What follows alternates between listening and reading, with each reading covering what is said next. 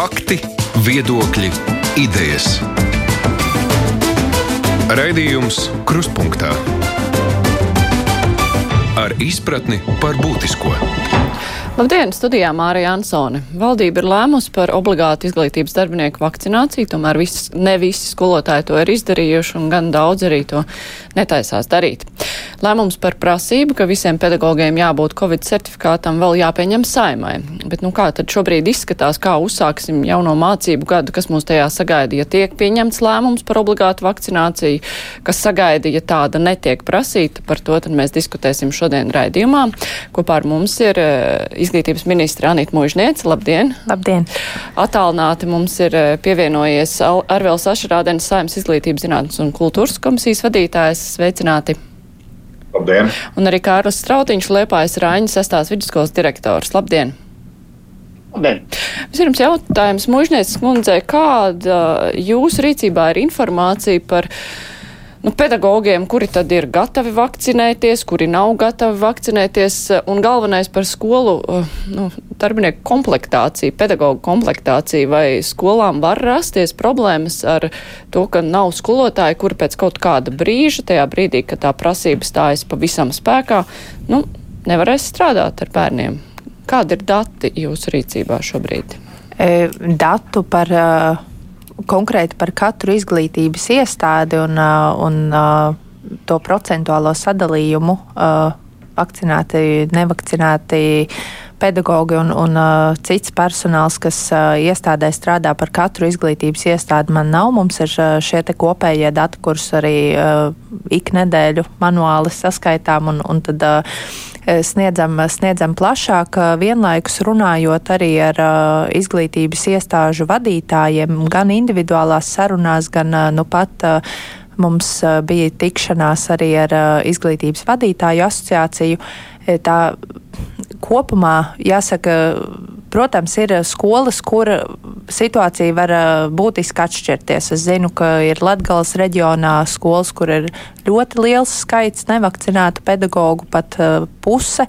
Vienlaikus tādas lielās gimnāzijas ir, ir ļoti daudz skolas, kur, kur tie ir varbūt viens, varbūt divi šaubīgi skolotāji no gana liela pedagoģu kolektīva, eh, bet tādu konkrētu datu par, eh, par procentiem, par izglītības iestāžu skaitu, par eh, to, kuri būtu tie mācību priekšmeti, kur varētu šobrīd trūkt, tie ir nu, atkal uz saru, sarunās balstīti. Mums, mums tādu mērījumu, lai, lai nu, tāda statistikas mums nav.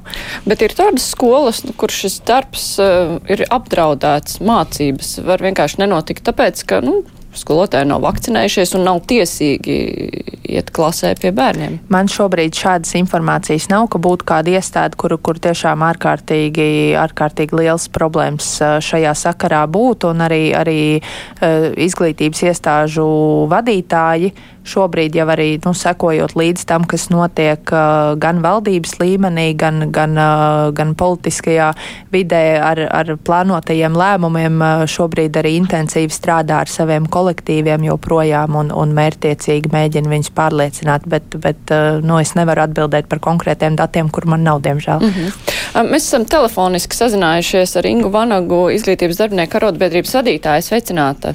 Sveicināti. Sveicināti. Jā.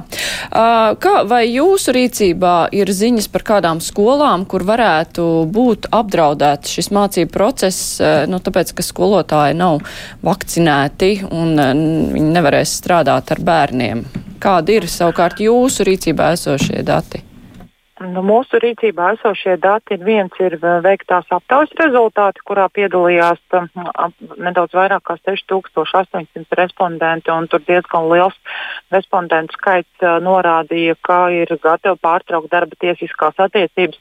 Ja skatās pēc aptaujas rezultātiem, tie ir vairāki tūkstoši, taču es gribētu teikt, ka noteikti daļa ja no šiem respondentiem būsim nu, godīgi pārdomātu, ja nu, ja tiešām, kā saka, nu, nu, būtu jānonāk jau līdz uh, tādam atlūguma iesniegšanai.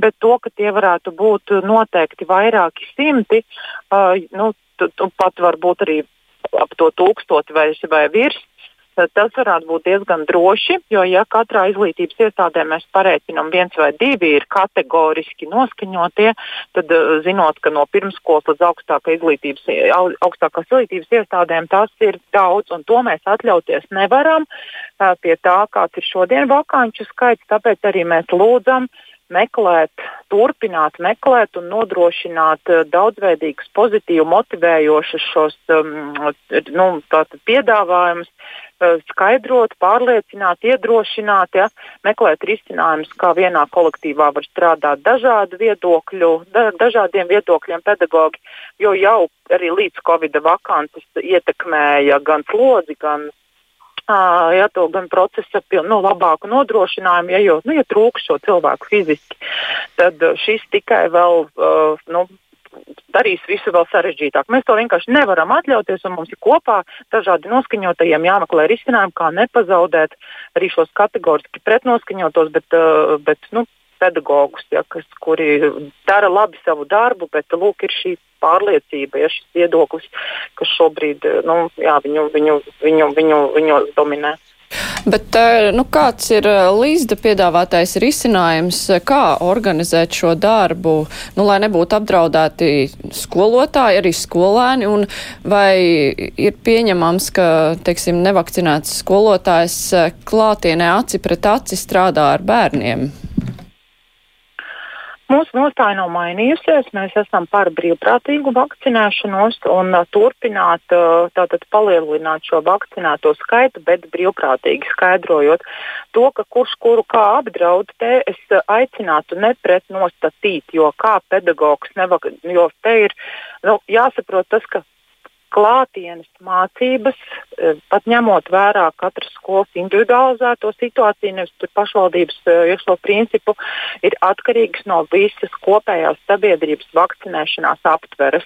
Un, uh, jo skolēni uz skolu nāks no nevakcinētu vecāku, vecvecāku ģimenēm un pateikt tagad, ka tā gala recepte, lai būtu maksimāli ilgstošas klātienes mācības, ir tikai un vienīgi izglītības nozarē vakcinētais Es aicinātu tiešām no sirds pārtraukt šo retoriku un domāt, kā mēs kopā nešķeļam sabiedrību, nepretnostatām skolānu pret pedagogu, vecāku pret pedagogu un arī kolektīva ietvaros. Ja?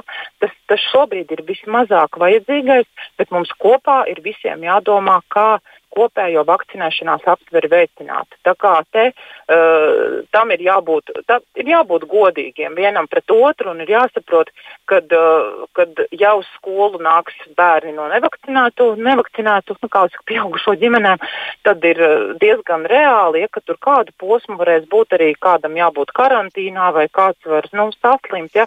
Tāpēc mēs aicinām par klātienes mācībām, par brīvprātīgu vakcinēšanos un par klātienes mācībām visa mācību gada garumā un kopīga sabiedrības atbildība. Bet eh, nu, tieši nepretstatot, eh, ka kāds apdraud kādu vairāk, jo tieši tā arī bērni var apdraudēt skolotāju, bet eh, nu, tā idejiski vai teiksim, nevakcinētam skolotājam būtu jāsatiekas ar bērniem, kuri viņu, kuri viņu varētu apdraudēt.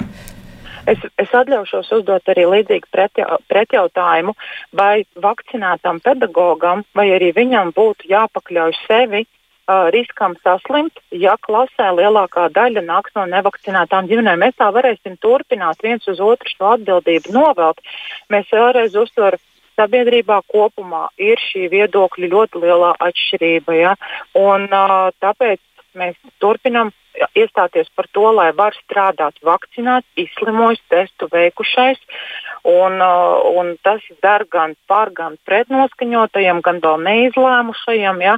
Un uh, tiešām, uh, tiešām turpināt strādāt pie kopējās vakcinēšanās rādītāju paaugstināšanas. Jā, mēs esam trešie Eiropā no, no, beigu gala. Uh, ja, kur nu, redzam, ka arī nu, nav vakcinēti riska grupas pārstāvji. Ja, tāpēc pateikt, ka trīs profesiju pārstāvis obligāti vakcinējot, mēs kaut ko ļoti atrisināsim. Katram ir, jā, katram ir jāizvēlās arī sava individuālā atbildība. Ja? Mēs, protams, mēs uh, gatavi esam gan dažādiem šiem risinājumiem, ja? Protams, mēs parlamentā vēl centīsimies pārliecināt par šo procentuālo latiņu, ja, un nelikt kā obligātu, bet, bet es tiešām aicinu sadzirdēt vienam otru un uh, saprast, ka tā ir kopīga atbildība klātienes, uh, klātienes mācības visa mācību gada garumā, nepasakot, ka pedagogs ir visatbildīgākais šajā visā procesā. Jā, paldies Ingai Vanagai, Latvijas izglītības darbinieku arotbiedrības vadītājai. Uh, jautājums ir Strautiņa kungam, kāda situācija ir jūsu skolā ar pedagogiem, kur ir vakcinēti vai pārslimojuši, nu, kuriem ir šis certifikāts un kuriem nav, un vai jums būs iespējams um, atrast uh, pasniedzējus visiem priekšmetiem, nu, ja gadījumā tiek pieņemts lēmums par to, ka šis certifikāts ir obligāti vajadzīgs visiem? Nu, jā, man, man jā, jāatzīst, ka tā īsta atbilde ir, es šoreiz laikam liecos piekrist vairāk arotbiedrībai, jo tā situācija ir uh, tāda, ka, kad jau tāpatās bez šī lieguma ir gana daudz pedagoģu vakāņu, jau ilgstoši, teiksim, nespējot atrast gan fizikas skolotāju, gan arī atbalsta personālu, piemēram, psihologu. Nemaz nerunājot par augstas klases skolotājiem, profesionāļiem, kuriem, ja būtu jāpamet darbs, tad vienkārši nav kas iet klasē. Vēl jau vairāk, skolotājs nu, pasniedz teiksim, ļoti specifisku priekšmetu, kā biznesu vai, vai vēl kādus, kur vienkārši nav alternatīvas. Arī šobrīd, skatoties, teiksim, pa liepāju, gatavoties raidījumam uz jūnija sākumu, jau tāpat bija 20 vakantas likmes. 20 likmes tas ir gana daudz. Tad, ja mēs kāda būs situācija, ja tas papildināsies vēl ar, ar, ar 15, 20 likmēm, tā ir katastrofāli. Nemaz nerunājot par situāciju pirmskolā, kur jau tāpatās katastrofāli kopumā trūkst pedagoģu. Savukārt, ja mēs runājam konkrēti tieši par Liepājas Rāņu sasto vidusskolu, tad tā aina kopumā, es domāju, mums ir diezgan laba. Es vakar veicu, skatoties raidījumam, aptauju, un sanāca, ka aptuveni 75% pedagoģi ir vakcinēti. Bet nu, tas lielais tiksim, kreņķis ir par uh, tiem pedagogiem, kas ir ļoti augsts klases profesionāli, profesionāļi, bet viņu uzskati teiksim, par ajūrveidu, par ārstēšanos ar homeopātiju neiet nekādīgi kopā ar vakcinēšanos tā pašā laikā skaidri apzinoties, ka šis pedagogs man ir ļoti nepieciešams, lai es realizētu izglītības programmu. Bet eh, vai jums ir kāda ideja, nu, kā organizēt šo mācību procesu, lai nav tā, ka nu, vienā brīdī viss saduras pie pirmā saslimušā cilvēka skolā, un tad ir viss jātaisa ciet, vai tā ir klase, vai ja ir vairāk saslimušie, tad ir jātaisa stāvi skolas un vispārējais. Nu, lai nav tā, ka tas process vienkārši nonāk, notiek tik saraustīti, ka tur neko pat nevar īsti uz priekšu plānot, un tikai tāpēc, ka nu, cilvēki nav pietiekoši nodrošinājušies, jo tā ir, ka bērni nevar vakcinēties, nav zināms, vai viņu vecāki ir vakcinējušies, un ja vēl arī pedagogi nav vakcinējušies, tad tur no visām pusēm sanāk tas apdraudējums. Kā to organizēt, eh, lai darbs neapstājas nu, pārāk strauji, klātienes darbs, es domāju? Nu, es, es jau šeit, šeit minēju, ka šis ir tas gadījums, kad es tiešām piekrītu arotbiedrībai, kad ir ļoti būtiski arī vecāku izglītošana un vecāku vakcinēšana. Jo mēs varam vakcinēt pedagogus, bet tajā pašā laikā, ja atnāk slims bērns, tad viņš automātiski var apdraudēt gan pārējos bērnus, gan pedagogu. Pie tam manā skolā ir situācija, kad pedagogs strādā no 5. līdz pat vidusskolai. Tad viņš strādā dažādās klašu grupās. Līdz ar to kaut kādā veidā izslēgt pa stāviem vai izslēgt pa, pa klašu grupām ir diezgan nereāli, jo mēs beigās vienalga nonāksim pie, pie kaut kādas skolas lockdown. Tas, ko es redzu, kad ir jādomā tiem, kas negrib vakcinēties, ir, ir skaidri jāsaprot šī iemesla un jādomā kaut kādas alternatīvas ar šo testēšanu, ar skrīningiem dažāda veida saprast, vai šo skrīningu veids pedagogs pats par savu naudu, vai arī, nu, es kā runāju ar, ar kolēģi no vienas Rīgas skolas, ka, ja tas pedagogs ir tik nepieciešams, nu, viņš ir unikāls, tad vai nu es tiešām lemju par to, kā strādāt attālināti, jo mēs redzējām, ka 12. klases matemātikai var sagatavot attālināti skolēnas eksāmenam un pat var iegūt labākus rezultātus nekā strādājot klātienē, vai arī es redzu, ka pedagogs to nevar, bet man ir ļoti, ļoti vajag, tad skola meklē risinājumus, kā to finansēt. Jo, ja šis pedagogs ir unikāls, tad man tas būs jāfinansē. Jo ņemot vērā, ka tās vakcīnas cena ir nu, teiksim, 38 eiro, tas ir rupjēķinot 160 eiro mēnesī, tā ir gana liela nauda priekš pedagogu. Un, ja man viņu vajag, tad man nav citas alternatīvas. Mm -hmm. Ašrādenkungs, gala lēmums būs jāpieņem saimai par to, vai likumā noteikta prasība pēc obligāta Covid certifikāta. Kā jums šobrīd izskatās, arī koalīcijā nav vienprātība, Nacionāla apvienība vēl domā, nu, kā varētu risināties šis jautājums, jo te jau izskanēja, nu, ka vajadzētu kaut kādas alternatīvas iespējas, eh, kā skolas var nodrošināt pedagogus, kur viņiem varētu trūkt, eh, nu, gadījumā, ja pedagogs tomēr nav vakcinējies. Kā jums izskatās, nu, kā saima varētu, kā komisija varētu lemt? Jā, nu mums jāsadala laikam to jautājumu divās daļās. Tātad pirmais ir pats likums par obligāto vakcinēšanos. Tātad valdība viņu ir pieņēmusi un tad aizgājis brīvdienās. Un, uh, Divas nedēļas atpakaļ partijas bija, tāda partija frakcija vadītāja bija diezgan tāda nelokāma, kad tas likums tiks pieņemts. Šobrīd tā diskusija attīstās, un mēs dzirdam dažādus viedokļus, un īpaši Nacionāla apvienība vakar arī televīzijā varēja dzirdēt, ka bija šaubīgi par šo. Tā kā pirmdien koalīcijas sanāksmē mēs zināsim to, un tātad 4. augustā ir saimnes, būs tātad saimnes lēmums par to, vai to nodos komisijai, un tad vai saimnes strādās ar šo. Tā otrā daļa ir tā, ir tā realitāte, kas notiek ārpusē, un tā ir diezgan nepatīkama. Un tas, ko mēs redzam Eiropā, uh, jeb uh, ap Eiropu, ir uh, tās valstis, kas pat ir bijušas priekšzīmīgas tajā vakcinācijā. Viņā, teiksim, ar, arī tās šobrīd ar vien smagāk sāk piedzīvot tā saucamo trešo vilni. Nav šaubu, ka viņš nāk, ka viņš būs, viņš ir, un arī Latvijā mēs redzam, ka tas saslimšana sāk augt. Un, un kas ir svarīgi saprast, ka tā, tas vilnis ir, un viņš skar gan vakcinētos, gan nevakcinētos. Ja? Gan vakcinētos, gan nevakcinētos. Vienīgā atšķirība ir tā, ka vakcinētie šo Covid saslimšanu pārdzīvo vieglāk pārdzīvo vieglāk. Un šis ir ārkārtīgi svarīgi saprast. Tātad šeit nav apdraudēta dzīvība, šeit ir tikai viegla saslimšana. Un, un šis ir svarīgi mums tajā, nu, kā mēs pieņemam lēmumus. Tagad mums ir tas, nav un tas nav, un šis, un mēs nespējam apņēmīgi iet uz priekšu.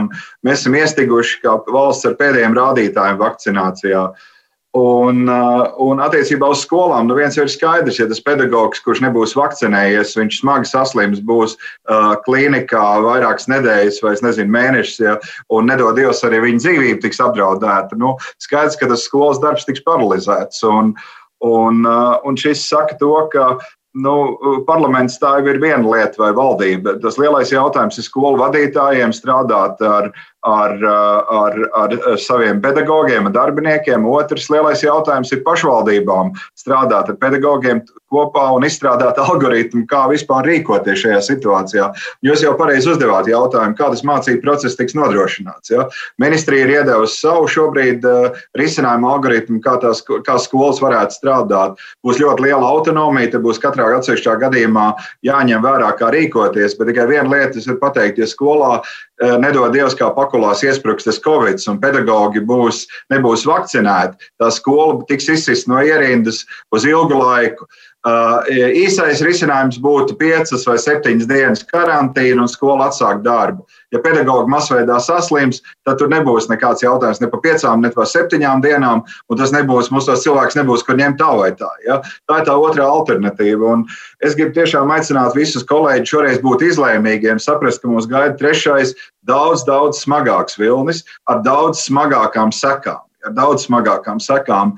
Un tā vakcinācija ir vienīgais iespējamais risinājums, kā nodrošināt izglītības institūcijas dzīvotspēju. Un es gribu teikt vēl trešo pēdējo lietu, kas ļoti svarīga. Mēs trešo skolas gadu, kurš ir pārtraukts ar Covid, nevaram atļauties. Tā izglītības kvalitāte šobrīd ir dramatiska. Ļoti daudz bērnu ir neapgūši vielu, un daži pat vispār skolā nav bijuši jau otro gadu, vēl trešo gadu. Nu, to mēs nevaram īsti atļauties. Tā kā saliekot to visu kopā, es vienkārši varu cilvēcīgi aicināt visus tomēr saņemties un tomēr šo jautājumu risināt. Sēdēt pašvaldību vadītājiem kopā ar skolu direktoriem, ar skolu kolektīviem un šobrīd mobilizēties, lai teikšām, mēs nodrošināt skolu darbu, lai arī ar īsiem pārtraukumiem, bet tiktu ar to galā. Nu, tā, tas ir mans skats no saimnes. Bet tad aicinot, redzēs, kā būs. Jā. -huh, jā, aicinot būt izlēmīgiem, tad jūs aicinat atbalstīt šo prasību būt obligāti ar Covid certifikātu visiem, kur strādā skolā, vai arī pieņemt nu, kaut kādu variantu, ka tie, kuriem nav šī Covid certifikāta, ka viņi neiziet klātienē darbā? Nu, es, es gribu teikt, ka nu, to, ko mēs tagad varam redzēt no situācijas, ir lielākā daļā skolu, kas ir lielās vidusskolas. Mēs redzam, ka pedagoģi ir, ir nu, lielākā daļa, tas, ko arī Strautīnkungs teica, ir 75 un vairāk procentu vakcinējušies. Tātad mums, mūsu rīcībā vēl nav dati. Piemēram, skolas, kuras ir lokālas un kurās ir lielāks skaits ar nevakcinētiem pedagogiem. Un to jau es teicu, tā situācija var pārvērsties dramatiski tajās skolās īsā mirklī. Ja?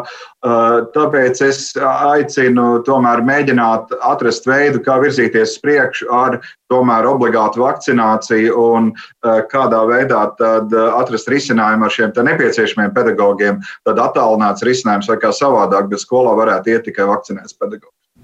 Mužniec kundze, šis te variants, ka klātienē strādā tikai vakcinēti pedagogi un tie, kuri nav vakcinēti, jo šobrīd, nu, sanāk tā, ka arī viņiem būtu jāiet no darba laikam projām, spriežot pēc likuma, vai ir nepieciešams atstāt iespēju vismaz, nu, ja tiešām skolā ir vajadzīgs šis speciālists, lai viņš strādā attālināt, bet, nu, lai viņš strādā vismaz. Jā, paldies par jautājumu kopumā. Uh, ja mēs nebūtu mēnesi līdz jaunā mācību gada sākumam situācijā, kad, un es runāšu tikai par skolām, ne par augstāko izglītību vai pirmsskolām, bet tikai par skolām. Un ja mēs nebūtu situācijā, kur uh, tikai 62% ir uh, vakcinētu pedagoģu, uh, būtu maisa, vakcīnas sen būtu visiem bijušas pieņem, pieejamas, un mums būtu trīs mēnešu laika domāt, spriest, pārliecināt, motivēt un tā tālāk un tā joprojām. Es teiktu, Jā, ir dažādi uh, veidi, kā vēl mēģināt pielāgoties, ja nu gadījumā kāds uh, nu, nav, nav izdarījis vai nav pārliecināts par šo izvēli, ka vakcīnas ir vienīgā izeja. Šobrīd uh, straujiem soļiem, tuvojoties mācību gadam, redzot, un arī man, uh, es uh, visu laiku esmu uzsvērus to, ka man ir šī ticība, ka skolotāji tiešām ar uzrāvienu pēc jāņem sāks vakcinēties, ka, ka nu, visi argumenti, kas, kas ir tikuši pausti, kāpēc tas netika darīts mācību gada laikā, nu, piepildīsies.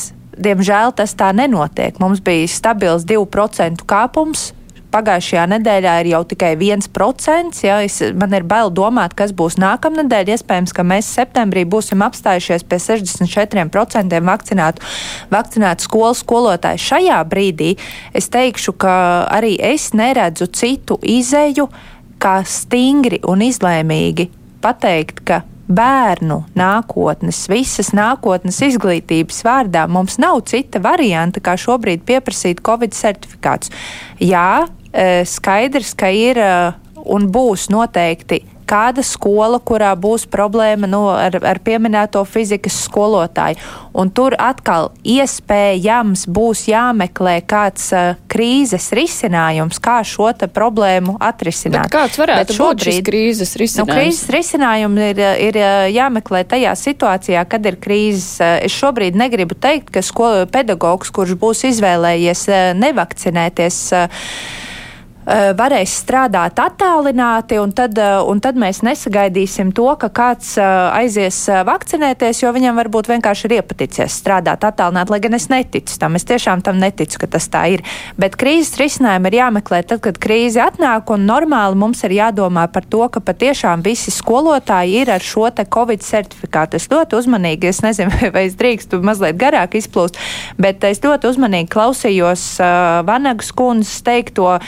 Un, uh, un runājot par to brīvprātību, uh, neviens jau nespiež. Brīvprātīgi mēs izvēlamies profesijas, brīvprātīgi mēs pieņemam lēmumus par uh, savu veselību, par savu dzīvību arī, bet mēs nedrīkstam darbā kas skar ļoti daudzas citas iesaistītās puses. Mēs nedrīkstam runāt par brīvprātību, nepiedāvājot reālus scenārijus. Tas ir vienkārši, manuprāt, jāizbeidz, jo e, nu, atsaukties uz to, ka skolotājs e, saskaras e, strādā, tātad sniedz savu izglītības pakalpojumu bērniem, kuriem vakcīnu nav, un atsaukties uz to, ka ir kāda ģimene, kas nav vakcinēta, bet ir ļoti daudzas ģimenes, ļoti daudz, kas ir vakcinēta vakcinētas, kur visi vecāki, visi vecvecāki, visi bērni, kas var vakcinēties, ir vakcinēti. Un tad šī ģimene arī saka, kāpēc man apdraudēt to savu 8 vai 9 vai 10 gadus veco bērnu, aizvedot uz skolu, zinot, kur ir nevakcinēts skolotājs. Nu, tā. Tā kā es uzskatu, ka tiešām ir laiks, šobrīd beidzamais laiks pieņemt uh, izlēmīgus lēmumus. Bet uh, par krīzes risinājumiem runājot, kam būs jāmeklē šie risinājumi? Vai tas tiks atstāts skolas ziņā, vai skolām arī tiks sniegts kaut kāds atbalsts? Jo nu, skola jau var nevar piespiest tos pedagogus vakcinēties. Nē, piespiest, protams, nevar. Un, un tas, ko arī Ašarādena kungs norādīja, un, un arī es no savas puses dažādos formātos tiekoties un vēl tikšos līdz pat uh, 1. septembrim, ir pilnīgi noteikti viena ministrija vai vieni deputāti vai viena arotbiedrība vai asociācija nevar pārliecināt visu šo te kopumu vecākus, jauniešus, skolotājs. Tas vienkārši nav iespējams. Protams, protams, ka ļoti liels uh, palīdzošs, uh, palīdzoša roka būs pašvaldībām, kā pašvaldības runās. Šobrīd ir jaunās domas sanākušas, kā viņi tieks ar savām izglītības pārvaldēm, kā izglītības pārvaldes tieks ar direktoriem, apzina šo situāciju. Katra skola, uh, katrs direktors runā ar savu izglītības pārvaldi. Pārvalde saka pašvaldībai, hei, mums šeit ir problēma, mums briest tā, ka vienā skolā STEM priekšmetu skolotājs sāks trūkt, nu, vai vienalga, kuras joms pašvaldība zvana trauksmes zvanus mums, un mēs nākam talkā un domājam par šiem krīzes risinājumiem. Tā es to redzu. Bet uh, šobrīd es nekādā veidā pat uh, negribētu, ka kādam ienāk prātā šī doma, ka var tā. Nu, ka mēs atkal varam tā brīvprātīgi, nu tā tā mēnesi, vēl divus, vēl trīs, nu pagaidīsim, paskatīsimies, un tad mēs uh, tiešām atkal vēl, vēl vienu gadu mēs būsim tā, tā vienīgā valsts, kurā izglītība bērniem netiek nodrošināta, nu tas tā nedrīkst būt. Strautiņkungs, vai jūs sagaidat, nu, vai jūs esat noskaņots, ka jūs šo atbalstu krīzes situācijā saņemsit vai nē? Kādas ir jūsu nu, kā, sajūtas? Vai skola tiks atcelt likteņa varā, vai jums ir aizmugures sajūta, ka trūkstošie pedagogi, ja tādi būs, nu, tad tas jautājums kaut kā tiks atrisināts?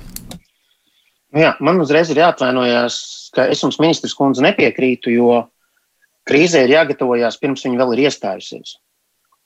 Jo tajā brīdī, kad viņi iestājās, dažkārt ir krietni par vēlu. Otrakārt, tas, ko mēs redzam uz pedagoģu katastrofālu trūkumu, tas jau ir pirmais signāls par, par šos krīzes tuvošanos. Viņu vienkārši nav.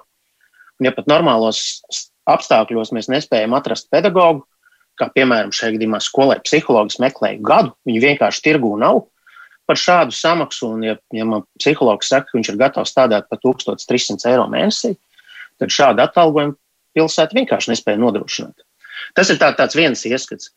Otrs, ko es aicinātu padomāt, kad varbūt ne tikai spēlējot un apelējot pie misijas par to, ka pedagoģa darbs nav tikai darbs, bet tas ir kaut kas vairāk, un mēs patiešām esam atbildīgi par bērniem. Uh, Un tikai varbūt druskuļi no tādas spēka pozīcijas, motivējot pedagogus vakcinēties, ir vērts arī domāt par kaut kādiem atbalsta mehānismiem vakcinētajiem pedagogiem. Es, es nezinu, vai tas ir ar teiksim, kaut kādu papildus atalgojumu, vai papildus kaut kādu individuālā darba stundām, bet tiešām domāt, kā atbalstīt tos, kam ir šī misijas apziņa, tie, kas ir gatavi uh, pārkāpt pāri. Jo tas galvenais, kur mēs cīnāmies, patiesībā domājot par vakcināciju un, un antivakceriem, ir bieži vien nav par racionāliem argumentiem, bet par, par emocijās balstītiem. Līdz ar to šie racionālie skaidrojumi visbiežāk vienkārši nelīdz. Tas ir tas, ar ko es saskaros, teiksim, diskutējot ar kolēģiem, kurš pasaka, tāds ir mans viedoklis un punkts, un, un nekāda argumenta nelīdz. Savukārt, domājot par, par pretvakcinēšanos, tiek nu, celts ārā no sega pakšas viss, ko vien var tik izdomāt.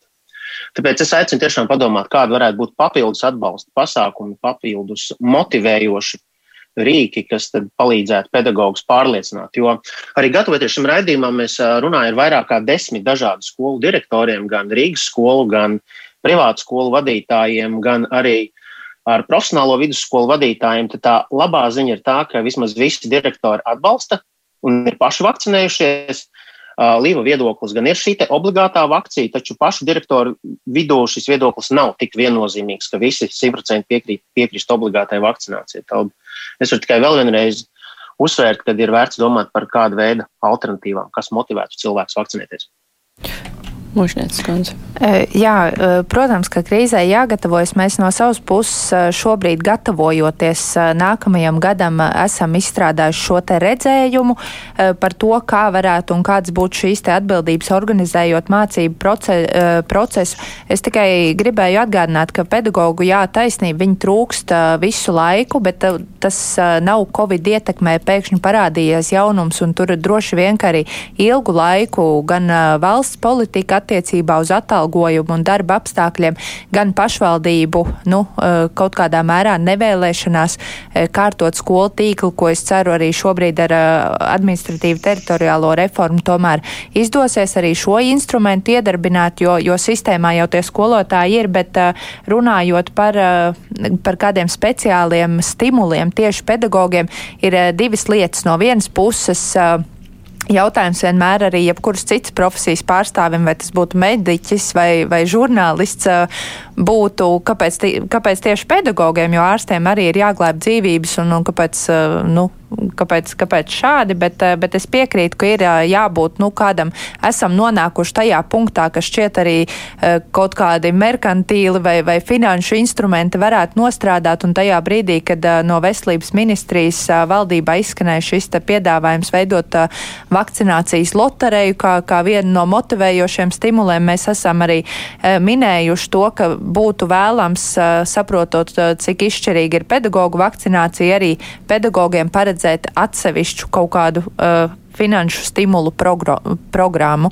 Tā kā, protams, ka problēmas sistēmā ir, bet uh, šobrīd to novēl tikai uz uh, šo te Covid uh, sāsinājumu vai, vai šajā vasarā pieņemtajiem lēmumiem laikam nebūs īsti korekti. Uh, Ašrādēn kungs, kā jums šķiet, vai runājot par eh, šiem krīzes risinājumiem, nu, kas var eh, parādīties, nu, ja mēs konkrēti runājam par pedagoģu trūkumu, vai par tiem ir jādomā, nu, kaut kā tā, tie varianti jākalkulē laicīgi, vai tas būtu slikts signāls, un uh, tie, kas ar izšmaukt, tad arī mēģinās izšmaukt? Nu, par uh, to uh, laicīgumu no nu, šoreiz ir nu, mēs esam tādā, nu, mēs drusku esam pirms vētras, un tūlīt būsim tādā perfektā vētrā. Un vētrām nevienmēr tā var sagatavoties. Viņas arī nāk tādas. Nu, viņi bija, nu, zināms, viņas ir, bet, bet nevienmēr to var visas konsekvences paredzēt. Bet attiecībā par to, ka mums nāksies domāt teikt, ārpus ierastajiem rāmjiem, par to nav šaubu. Es ļoti uzmanīgi vēroju, kā šobrīd ies Rīgas pašvaldībā. Rīgas pašvaldība ir izveidojusi stimulu programmu tām skolām, kuras nodrošinās darbību pilnā apmērā un pedagoģi būs vakcinējušies. Tur ir finansējums paredzēts skolām. Mums nav datu pašlaik par skolas, un skolotāji rēģējuši uz to, bet cik es zināms, tas ir ļoti, nu vismaz tas sākums bija ļoti pozitīvs, un tā reakcija bija ļoti pozitīva, un arī daudzas to ir atsaukušies šobrīd. Tagad tas ir viens iespējams, ka šis nostrādās arī kā mehānisms skolu tīkla efektivizācijai. Ja mēs zinām, ka uh, tur tā rezerve ir milzīga un iespējams, ka tas spiedīs arī pašvaldības, domājot par to, kādā veidā ātrāk mēs palielinām pedagoģu algas un pie tā strādājam. Es domāju, tas arī otrs, kas varētu nostrādāt. Tas, protams, nav izdarāms teikt 24 stundu laikā šādi jautājumi atrisināt. Bet es domāju, ka arī šis būs un būs. Es domāju, ka sarunās ar pašvaldību vadītājiem un izglītības nodaļu vadītājiem nāks ārā vēl kādas idejas, kādā veidā rīkoties. Bet viens ir skaidrs, ka ar šīm idejām ir ļoti ātri jāapmainās nākamo nedēļu laikā un, un jādomā, kā to jautājumu risināt. Bet bez uh, papildus risinājumiem es domāju, ka mēs paliksim vairāk pie tādas viens otru pierunāšanas. Strātiņkungs, ja mēs runājam par iespējamiem krīzes, iespējamām krīzes situācijām, kas var rasties ne tikai pedagoģu trūkumu dēļ, bet arī, ja slimība pēkšņi sāk izplatīties un straujāk, tas iespējams varētu notikt, ņemot vērā šo te jauno vīrusu veidu. Vai jums ir skaidri visi plāni B, C, D, kā vispār tas mācību process var notikt?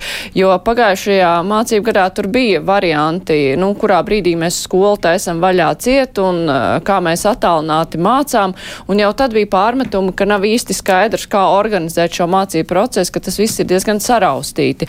Kā ir šogad, vai jums ir skaidrs, nu, kā tas process varētu notikt, lai tur nebūtu būtu pārrāvumi, ja nu kaut kas notiek. Un te es nerunāju tikai par to, ka var trūkt pedagogu.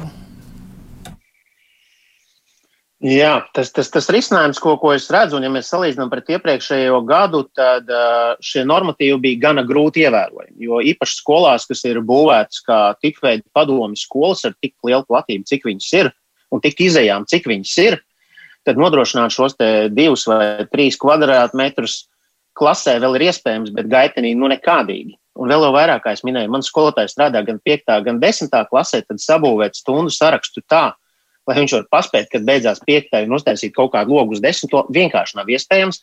Vēl jau vairāk, ka pedagoģa slodzes ir tuvu pie 40 stundām, lai viņam sanāktu normāls atalgojums. Līdz ar to viņš ir ārkārtīgi noslogots. Jā, viņš ir tas, kas staigā starp dažādām klasēm, bet nodrošināt, lai arī nu, bērns, kas, teiksim, varbūt šī vīrusu pārnēsētājs neienest viņu skolā un tikai tāpēc saslimtu kādu visu klasi, nevis pedagogs vainīgs, bet arī šis skolēns, par to ir vērts domāt un vēl vienreiz vērsties arī pie vecākiem, un domāt, kā motivēt vecākus vakcinēt savus bērnus, jo nevis pedagogs ir tikai viens tas, tas ļaunums sakne, kas var vakcinēt, var, var apdraudēt visu. Bet, kā teica ar, arotbiedrība, arī tieši jebkurš bērns var būt šis te nu, vīrusa ienesējs un, un, un tieši, tieši tikpat. Tāpēc par to ir vērts domāt. Es domāju, ka es vienmēr esmu ļoti cienījis skolu autonomiju un to, ka skolām ir iespēja izvēlēties un, un domāt. Un, un liels paldies, ka ministrs to virza. Taču ārkārtīgi svarīgi arī noteikt skaidrs robežas. Jo, piemēram, īpaši mazajā galā, sākuma skolā, ja skolai būs autonomija, tad vecāku spiediens var būt ārkārtīgi liels. Vidusskolas posmā es domāju, ka skolai ir jāļauj diezgan brīvi noteikt šīs formas, kur strādāt attālināti, kur klātienē izvērtēt gan skolotāji, kas to dara, gan skolas konceptu. Jo arī redzot to, kā līdz šim notika attālināts mācību process dažādās skolās, tad ir skolas, kurās viņš notiek ļoti kvalitīvi. Piemēram, mēs kā Microsoft Showcase skolu to darām jau, jau 4-5 gadus. Savukārt ir skolas, kur tā ir diezgan liela butaforija, kur attālināts mācību process nozīmē, es izdrukāju lapas, salieku uz galda, un tad bērni nāk pakaļ lapām, pēc tam aizpildīts, nes atpakaļ. Nu, piedodiet, tas nav attālināts mācību process. Tāpēc tur būtu tiešām jādomā par kombinētām mācību metodēm. Bet vēl vienreiz tiešām liekot akcentu uz to, ka sākuma skolas galā ir jābūt ļoti stingrām normām, lai atbalstītu skolu direktors, jo spiediens būs neiedomājams. Tas ministrijas plāns, ko, kas vakar parādījās, nu, ka, kas arī ļauj skolām pašām izlemt, kā rīkoties, un principā tas viss pamats ir tomēr klātienes mācības, un pēc tam skola pati skatās situāciju. Kā jums šķiet, vai tur pietiekam būs izstrādāti nu, visi varianti, lai nav tā, ka pēkšņi, kā Ašrādēnkungs jau minēja, ka nu, tas saslimšanas vilnis var tiešām, viņš var nākt ļoti pēkšņi un lai skolas darbs nav paralizēts. Mm -hmm. e, jā, e, tas, tas, ko mēs vakar publicējām, es e, ļoti ātri izskriešu tai, pro, tai procedūrai cauri, kā līdz tam ir nonākts. E, tagad 3. jūnijā mēs, es uzsāku darbu, mēs apņēmāmies izstrādāt tātad redzējumu šim te nākamajam gadam un jau 1. jūlijā to nosūtījām veselības ministrijai. Uh, kā ieteikumus tam, kā izēms redz šo mācību procesu organizēšanu.